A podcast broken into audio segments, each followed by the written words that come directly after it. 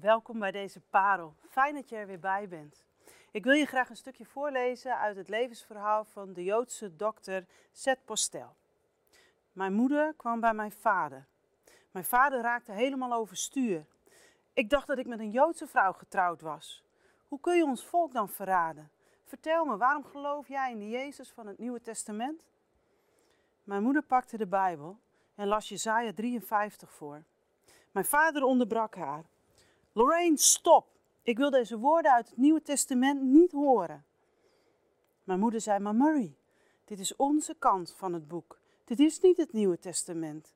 Dit is de profetie van Jezaja, geschreven 700 jaar voordat Jezus geboren werd. Mijn vader was geschokt. En dan is er het verhaal van Anastasia, een jonge Joodse vrouw. Zij zegt, ik bewonderde de God van de Bijbel al als kind. Ergens wilde ik hem volgen.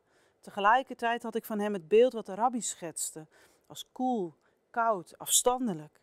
En dat maakte me boos. Ik dacht, hoe kan God van mij verwachten dat ik mij houd aan alle wetten en woorden? Weet hij niet hoe het is om mens te zijn in een lichaam, in een gebroken wereld? Jezus was voor mij volkomen vreemd. Als Joodse zou ik nooit overwegen om hem te volgen, want dat was toch verraad naar God toe. De eerste keer dat ik toch het verboden hoofdstuk uit de Bijbel, Jesaja 53, ging lezen, herkende ik God daarin. Ik zag hem. Ik zag de Messias, Jezus, die wist wat het was om mens te zijn. En die zelfs de weg voor mij naar God toe heeft vrijgemaakt. En op dat moment veranderde mijn leven compleet. En zo zijn er vele verhalen. Wat is dat toch met dat hoofdstuk? Jesaja 53. Zoals de moeder van Seth Postel al zei, Jezaja leefde 700 jaar voordat Jezus geboren werd. En zijn boek bestaat uit 66 hoofdstukken. En vermoedelijk hebben meerdere profeten in de lijn van Jezaja een bijdrage geleverd aan dit boek. Je kan Jezaja opdelen in drie delen. Het eerste deel is hoofdstuk 1 tot 39. En Jezaja roept daar zijn volk met klem op om weer voor God te gaan leven. In het tweede deel die is van uh, hoofdstuk 40 tot hoofdstuk 55. Merk je een hele andere toon. Je merkt het direct al bij het eerste vers van hoofdstuk 40. Het eerste vers van hoofdstuk 40 is troost, troost mijn volk, zegt jullie God. Deel 2 van Jezaja gaat over herstel, over heil, over hoop voor de toekomst. Dat God zijn volk zal troosten en opnieuw zal bevrijden. En in dit tweede deel hebben we vier profetieën over de knecht des Heren. En de andere drie profetieën zijn al in de parels hiervoor behandeld. En vandaag kijken we naar de vierde knechtprofetie. Je kunt het ook wel een knechtlied of een knechtgedicht noemen, want deze vier profetieën hebben een hoog literair gehalte. De vierde profetie staat dus in Jesaja 53, maar hij begint eigenlijk al de vlak voor, in Jesaja 52, vers 13. En daar lezen we over de knecht des Heren zoals we over de Messias lezen. Namelijk dit. Ja, mijn dienaar zal slagen. Hij zal groot zijn. Hoog verheven in aanzien. En zo zijn de profetieën vaak over de Messias.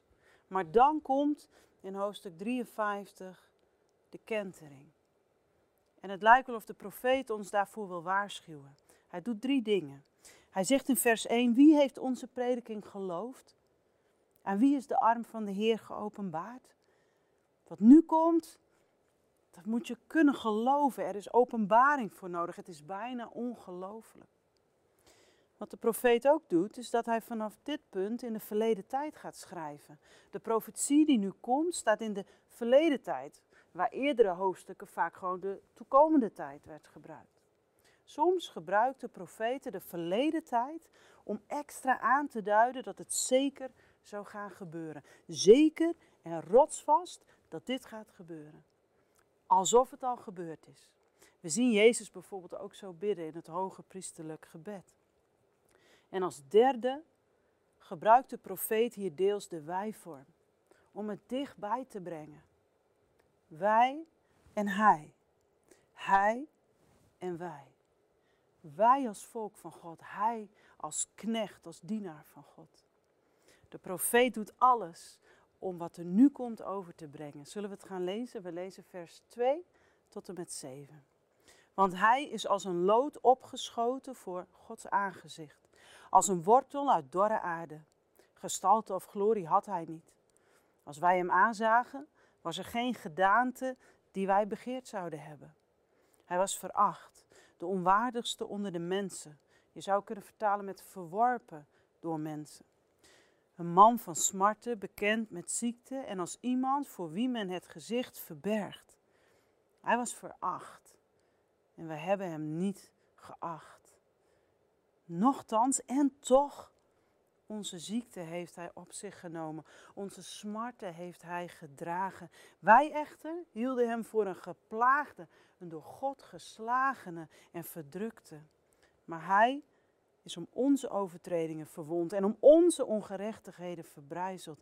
En de straf die ons vrede aanbrengt, was op hem. En door zijn striemen is ons genezing geworden. Wij alle dwaalden als schapen. Wij keerden ons en ieder naar zijn eigen weg. Maar de Heere heeft de ongerechtigheid van ons allen op hem doen neerkomen. Toen betaling geëist werd, werd hij verdrukt. Maar hij deed zijn mond niet open. Als een lam werd hij ter slachting geleid. Als een schaap dat stom is voor zijn scheerders. Zo deed hij zijn mond niet open. En ik vraag je, komt je dit bekend voor? Ja, zul je zeggen, maar dat is Jezus. Wat hier staat, daarin zie ik Jezus in het Oude Testament. Zijn geboorte, zijn lijden, zijn sterven. En soms vergeten we daardoor wel eens hoe ingrijpend het geweest moet zijn voor de profeet om dit op te schrijven. En ook door de eeuwen heen. Rabbies hebben hierop bestudeerd, de grondtekst, de context, de betekenis. En ergens bleef het voor hun een mysterie. En veel Joodse lezers vonden dit zo verwarrend.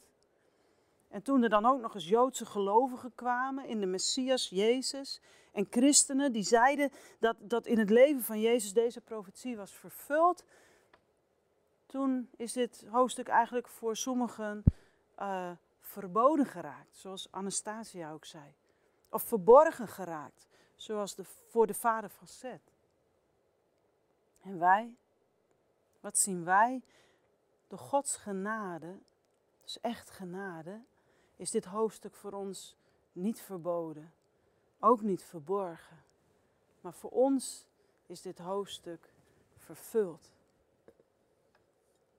Zeven jaar, 700 jaar nadat de woorden zijn uitgesproken, was Jezus daar om het hoofdstuk te vervullen. En om te zeggen, dit hoofdstuk, het is volbracht. En als we in het Nieuwe Testament kijken, dan zijn daar de evangelisten en de briefschrijvers. En ook zij zien het. En ze halen allerlei details uit het hoofdstuk aan, maar liefst 15 keer. En Filippus, als hij de kameling uit Ethiopië tegenkomt, die dit hoofdstuk leest, dan gebruikt hij dit hoofdstuk om Jezus te laten zien. Jezus zichtbaar door deze tekst heen. En ik wilde eerst gewoon alle details voor je opzoeken en dan naast het leven van Jezus leggen, maar dan zou deze parel veel te lang worden. Dus ik wil je uitdagen, vandaag, deze week, zoek eens alle details, alle versen na en leg ze eens naast het leven van Jezus. Je zal versteld staan hoeveel parallellen er te vinden zijn.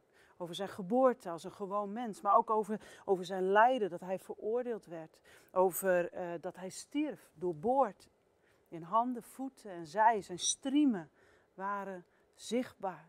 Hij stierf tussen misdadigers. Hij bad voor de mensen om hem heen op dat moment. Het staat geprofiteerd in Jezaja.